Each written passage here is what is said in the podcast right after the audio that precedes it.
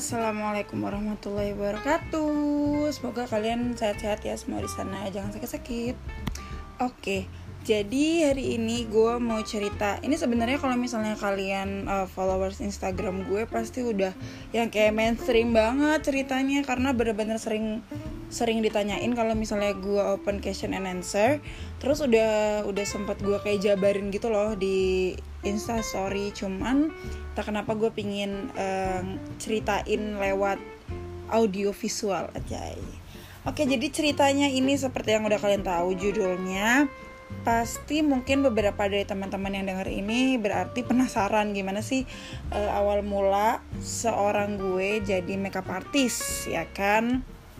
Gimana sebenarnya ya dulu gue juga anak pesantren yang gitu-gitu kok tiba-tiba keluar bisa memutuskan hidup dengan profesi yang tidak semua anak pesantren nggak umum lah di anak pesantren gitu lah. Jadi um, ceritanya nih kalau misalnya gue cerita dari uh, langsung kenapa gue bisa jadi makeup artist itu kayaknya kurang seru ya karena itu kalian udah bisa baca sendiri lah di highlight question and answer, answer question and answer gue. Tapi kalau misalnya gue mau sekarang mau cerita nih gue pengen ceritain yang lebih detail lagi jadi dulu banget dulu nih sebelum gue jadi anak pesantren bahkan gue sebelum masuk uh, ke ranah-ranah yang ya gitulah pesantren kalian tahu gitu kan. Eh, waktu SD itu gue itu di apa ya kayak digojlok banget sama almarhum bokap gue untuk jadi seseorang yang sangat produktif. Sampai akhirnya gue tuh nggak pernah loh namanya SD itu jalan-jalan sama temen. Terus habis itu hari minggu tuh juga jarang banget malah kayak kita jalan-jalan keluarga gitu loh. Emang sama keluarga tetap sama keluarga tapi jatuhnya tetap produktif paham nggak? Jadi dulu itu gue waktu SD uh, sibuk i, sibuk bisa dibilang sibuk sibuk banget lah pokoknya. Sibuk. Iya karena dulu gue dan kebetulan ada gue tapi karena gue mempelopori duluan jadi kan ada gue ngikut gitu kan.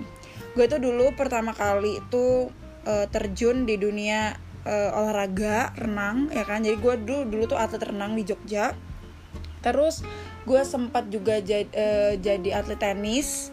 Habis itu gue pernah terjun di golf juga. Terus habis itu gue terjun di ranah model. Nah mungkin yang paling nyambung itu model kali ya kenapa gue bisa jadi makeup artist. Tapi intinya dulu itu gue tuh bener-bener jauh sama yang namanya makeup makeupan gitu loh. Yang kayak Rana yang sekarang makeup artist tuh jauh banget parah. Karena dulu gue lebih ke olahraga. Makanya dulu tuh gue uh, sekarang deh bukan dulu.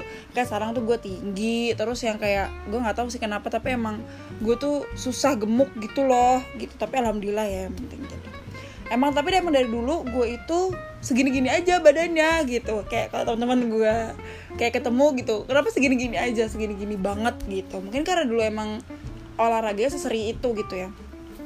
Jadi uh, dulu itu saking produktifnya mungkin emang akhirnya bokap gue itu ngebentuk uh, gue dan adik-adik gue tuh jadi orang yang harus nemuin passionnya sendiri gitu. Harus nemuin harus nemuin cara untuk skillnya tuh lebih tambah lagi dan nemuin apa sih yang ada di diri kita dari usaha kita sendiri gitu. Jadi bukan kalau misalnya sekolah gitu kita disuruh belajar matematika udah ada rumusnya gitu. Udah ada rumusnya udah ada teorinya gitu kan. Ya udah kita suruh uh, mengembangkan tapi itu teori dan rumus itu emang nggak boleh kita hilangin gitu. Cuman kalau misalnya di dalam skill itu entah, entah kenapa emang basicnya ada tapi kita boleh mengembangkan itu gitu loh. Paham gak sih maksudnya paham kan ya? Kayak kornang uh, caranya ada kayak gitu gitu tapi ya udah gimana cara kita ngembanginnya lagi kan? Misalnya uh, waktu misalnya lomba gitu dalam jarak berapa meter kita harus dalam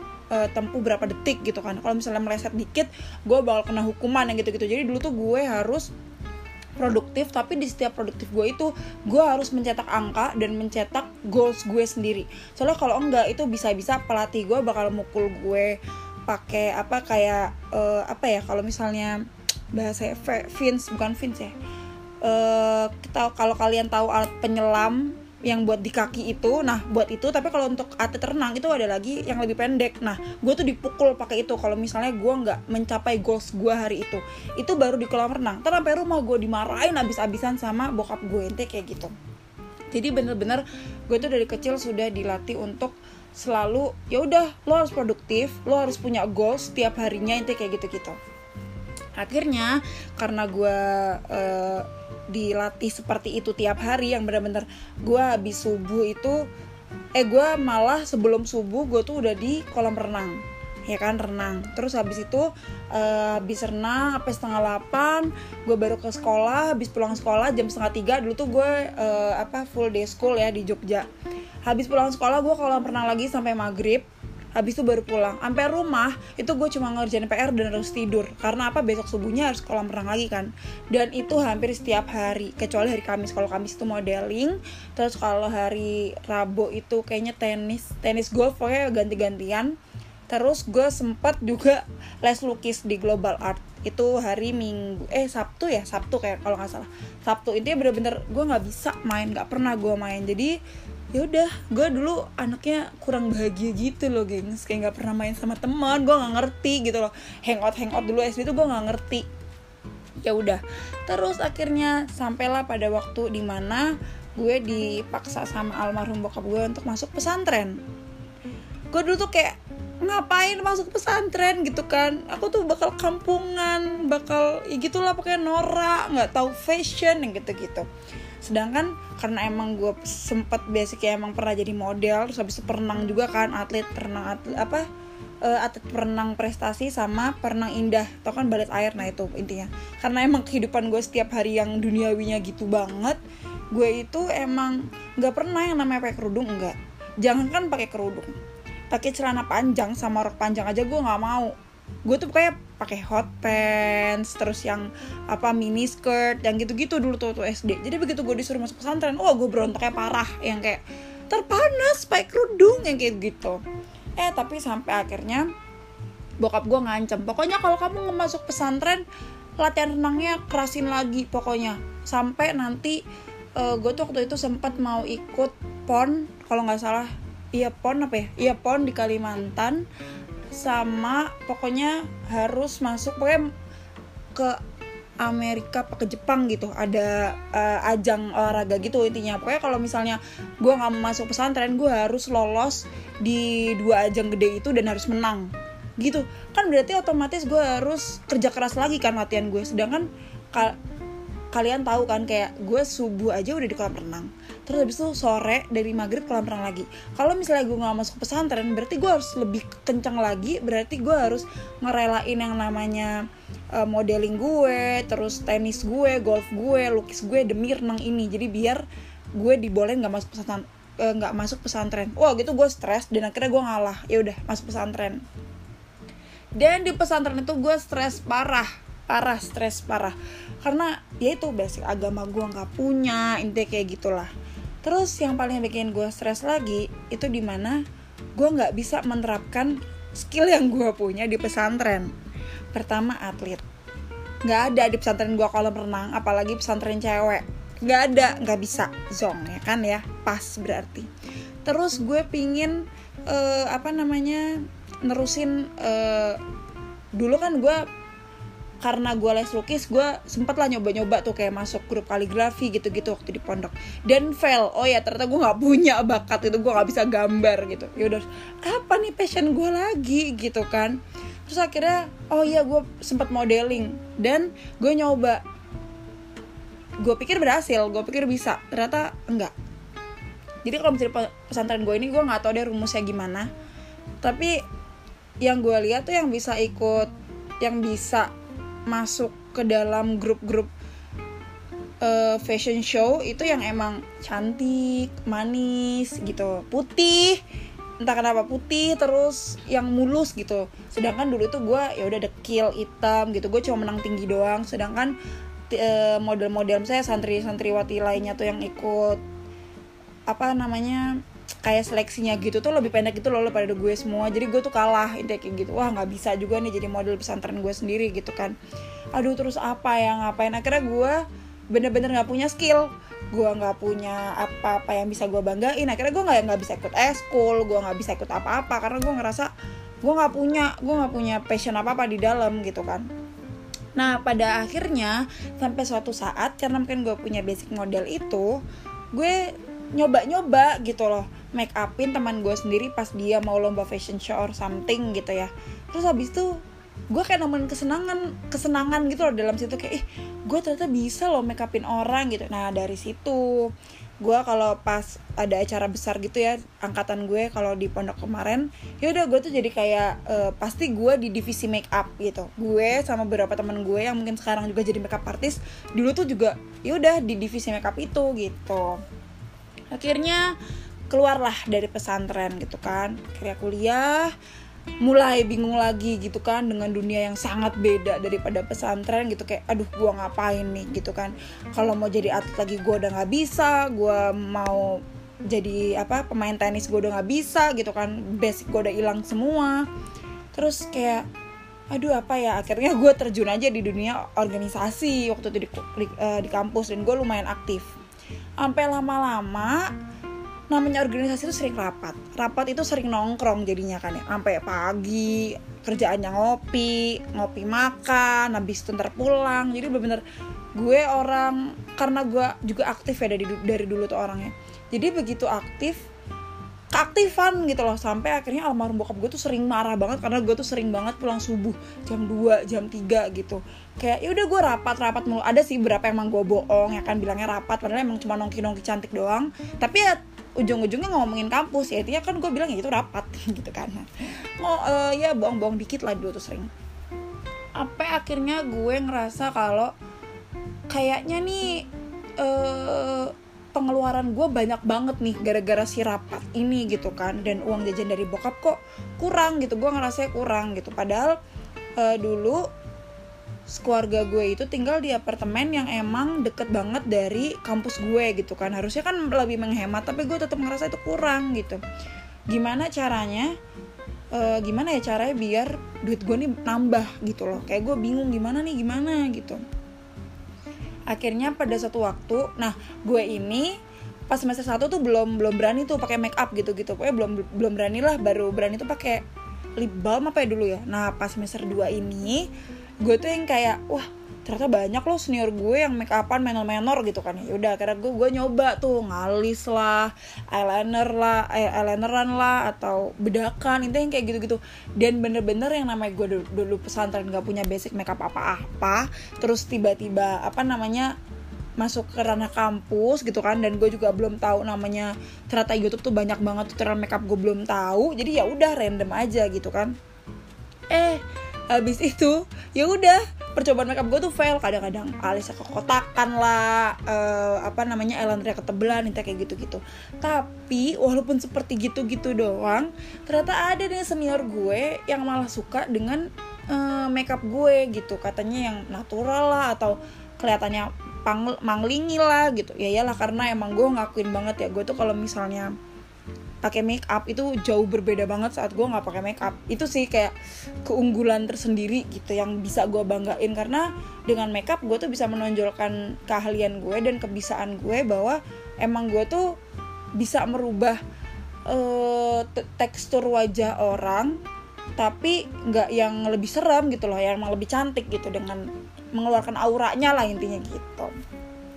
Nah terus habis itu ini adalah first apa ya first move gue buat mencari uang jajan tambahan itu. Jadi senior gue ini minta tolong nih sama gue gitu kan buat make upin dia. Awalnya gue nggak pede banget parah nggak pede parah yang kayak gimana sih orang gue nggak pernah make upin orang yang ini kan di luar gitu loh bukan di pesantren. Kalau pesantren kan yang lihat ya udah itu, itu aja itu itu aja dan pede gue. Nah ini apa ya yang kayak ya udah kayak gue takut ini buat wisuda gitu loh tapi tuh senior gue bilang udah jeng ajeng pasti bisa kok gitu. Minta tolong ya gitu. Berani nggak? gini gini akhirnya ya itu karena gue dari kecil itu emang sudah dibentuknya uh, apa ya harus mencoba gitu kan untuk menakar seberapa skill gue seberapa capable gue untuk suatu suatu kebolehan akhirnya gue oke okay, kak gitu.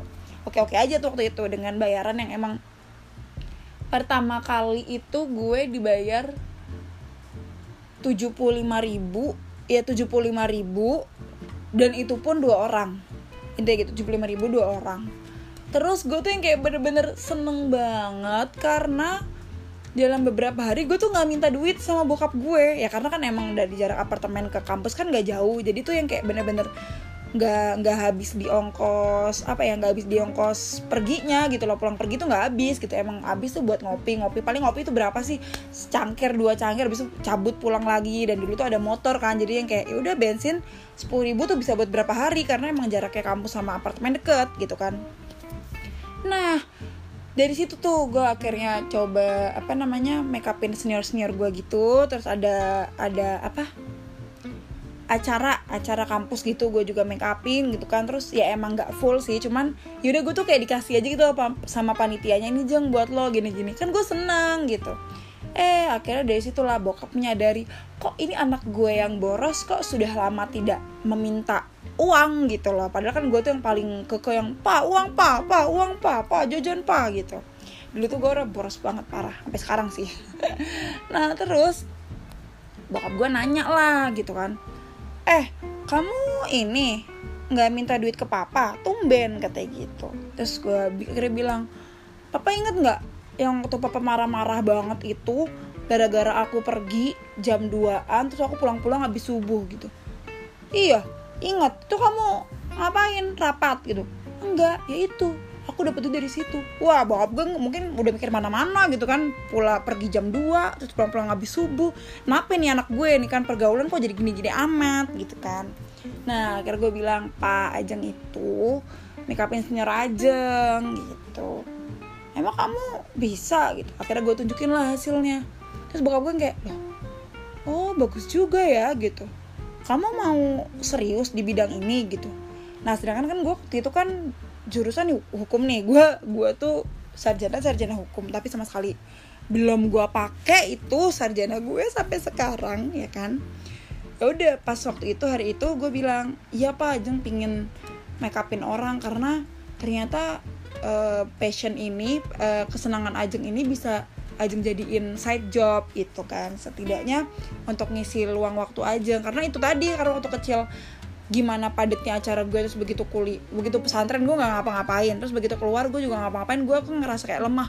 Apaan sih gue nggak punya skill apa-apa gue mending kayak dulu deh SD yang kayak tiap hari ada produktif. Jadi bener-bener nggak nggak pernah tuh mikirin masalah hidup gimana besok gimana atau ih kenapa kenapa intinya kayak yang sekarang gue pikirin gitu loh. Jadi kayak bener-bener gue merindukan masa-masa dulu. Akhirnya gue bilang lah sama bokap gue waktu itu iya pak aja pingin deh. Ya udah pas itu bokap gue bilang ya udah nanti kalau misalnya papa ada rezeki lebih ntar kamu papa beliin alat makeup. Nah waktu itu papa papa itu janjiin buat beliin alat makeupnya gitu kan. Sampai kodarullah alhamdulillah waktu itu suatu hari papa itu kan lawyer almarhum bokap gue itu lawyer. Terus ternyata kasus dia yang di mana ya kalau nggak salah? Di Samarinda di Kalimantan itu goals akhirnya klien bokap gue itu bayarin tiket lah bayarin tiket sama hotel bokap gue dan keluarga kita buat kayak sowan apa ya sowan tuh ngunjungin rumah kliennya gitu loh di sana gitu sekalian untuk nerusin project bokap gue lagi yang satunya entah apa. Intinya tetap di Kalimantan di Samarinda itu. Ya udah itu tuh pertama kalinya gue naik bisnis kelas ya bro. Wah kayak gini rasanya bisnis kelas gitu kan. Terus itu hotelnya tuh kayak wah enak juga ya dan itu semua dibayarin gitu kan. Eh pas banget. Proyeknya juga goals ya kan? Jadi uh, bokap gue yang menang di kasus itu. Akhirnya hari itu juga hari pertama eh hari kedua di Samarinda bokap gue bilang Ajeng kamu coba searching di Google akademi atau sekolah make up yang kamu pingin banget ke sana gitu terus karena emang bokap gue juga sering omdo omong doang akhirnya gue kayak cuma hah iya iya iya. Cuma gitu doang. Terus jadi gue tidak apa ya nggak nggak fokus gitu loh. Sampai akhirnya malamnya tuh bilang pagi sampai malam Ajeng udah belum ini papa ada duitnya mau bayar langsung. Di situ gue yang kayak loh papa beneran mau maksudnya sekolahin Ajeng make up gitu? Iya maksudnya papa udah ngelihat make up kamu bagus kamu harus punya skill yang lebih lagi gitu. Wah itu di situ gue senang sesenang banget itu. Dan akhirnya gue cari-cari-cari dan banyak banget gitu. Gue tuh bener-bener malam itu gue begadang cuma buat nyari mana nih makeup academy yang yang bisa ngasah skill gue lagi gitu. Karena kalau misalnya gue asal skill yang cuma di satu makeup artist atau dua makeup artist dan itu tentang apa kayak beauty apa ya beauty makeup doang itu banyak gitu. Gue tuh pingin cari yang mana gue tuh bisa bukan cuma beauty doang tapi gue bisa kerana SFX gue bisa kerana fantasi yang gitu-gitu. Ya setidaknya gue pingin belajar seperti itu waktu itu gitu kan. Eh akhirnya ketemulah satu akademi makeup yang di mana dia itu ngajarin banyak apa ya banyak banyak tipe dan skill eh bukan skill ya tipe-tipe makeup lah intinya kayak gitu. Banyak banyak uh, tipe-tipe makeup dan itu pertemuannya juga nggak cuma sekali dua kali itu bahkan gue pertemuan tuh 14 kali sama ujiannya intinya kayak gitu. Kalau misalnya kalian penasaran gue sekolah di mana kalian bisa searching aja di Instagram itu makeover academy. Tapi ini bukan punya brand makeover tapi emang cici gue ini guru gue ini sudah mendirikan sekolah ini bahkan jauh sebelum brand makeover itu dat datang dan muncul gitu loh di di ranah kita sekarang ini teh gitu. Jadi kalau misalnya mau tahu lebih detail langsung tanya beliau aja. Oke intinya gue akhirnya milih di situ. Terus bokap gue tuh yang kayak nggak kayak nggak sayang gitu loh ngorinnya yang kayak oh kamu butuh berapa? Jadi waktu itu itu modal awal pertama gue itu 15 juta itu hanya untuk sekolahnya aja. Itu belum gue PP ke sana belum gue nyewa model. Kalau ada model gue uh, belum gue nyewa gaun buat ujian. Jadi ujiannya harus ada gaun kayak buat bridal photoshoot sama untuk fantasi makeup. Gitu gue bel jadi belum perintil perintilannya intinya kayak gitu. Intinya kalau misalnya dari modal awal itu gue bisa habis 30 30 atau 40 jutaan itu belum termasuk sama ininya uh, alat make up dan perintil perintilannya tapi alhamdulillah pasti udah balik modal semua. Bahkan dari tahun tahun pertama tahun pertama jadi setahun gue jadi jadi makeup artist alhamdulillah udah balik modal setelah gue hitung hitung gitu. Ya udah akhirnya dari situlah gue bayar apa gue bayar di sekolah itu gue belajar di situ. Jadi gue tahu banyak tipe-tipe apa ya banyak style-style makeup yang baru yang baru gue tahu. Karena di pesantren gue nggak ngajarin eh nggak nggak diajarin. Dan ya udah akhirnya dari situ 2017 awal gue memutuskan untuk itu gue masih kuliah tapi di situlah awal mula di mana akhirnya gue memutuskan untuk gue menjadi seorang makeup artist jadi itu cerita panjang dari awal dari kecil gue dan akhirnya gue bisa nekat ya kan bisa akhirnya memutuskan untuk jadi makeup artist. Padahal waktu itu gue masih kuliah ya kan semester 3 atau 4 tapi gue akhirnya udah mutusin itu untuk jadi salah satu profesi gue. Jadi semoga uh, ini bermanfaat cerita yang gue ceritain ke kalian. Kalau misalnya kalian pikir bahwasannya untuk menjadi makeup artist muda itu enggak sebenarnya jadi mungkin setelah ini gue bakal cerita atau mungkin someday gue bakal cerita jatuh bangunnya gue setelah gue jadi makeup artist itu. Coba bukan sekarang karena ya biar nggak terlalu penuh lah di otak kalian gitu kan sama tentang cerita gue ini yang udah sudah berapa menit gitu kan dari tadi. Buset udah udah mau 20 menit aja ya kan. Pokoknya makasih banget udah dengerin podcast ini. Semoga kalian betah dengerin cerita gue. Ntar besok besok gue bakal cerita yang mungkin bakal lebihin juga ke kalian atau yang mungkin kalian juga penasaran penasaran gitu kan. Ya gitulah apa sih? Ya gitulah intinya ya gue udah nggak tahu mau ngomong apa lagi karena itu udah lama banget dari tadi.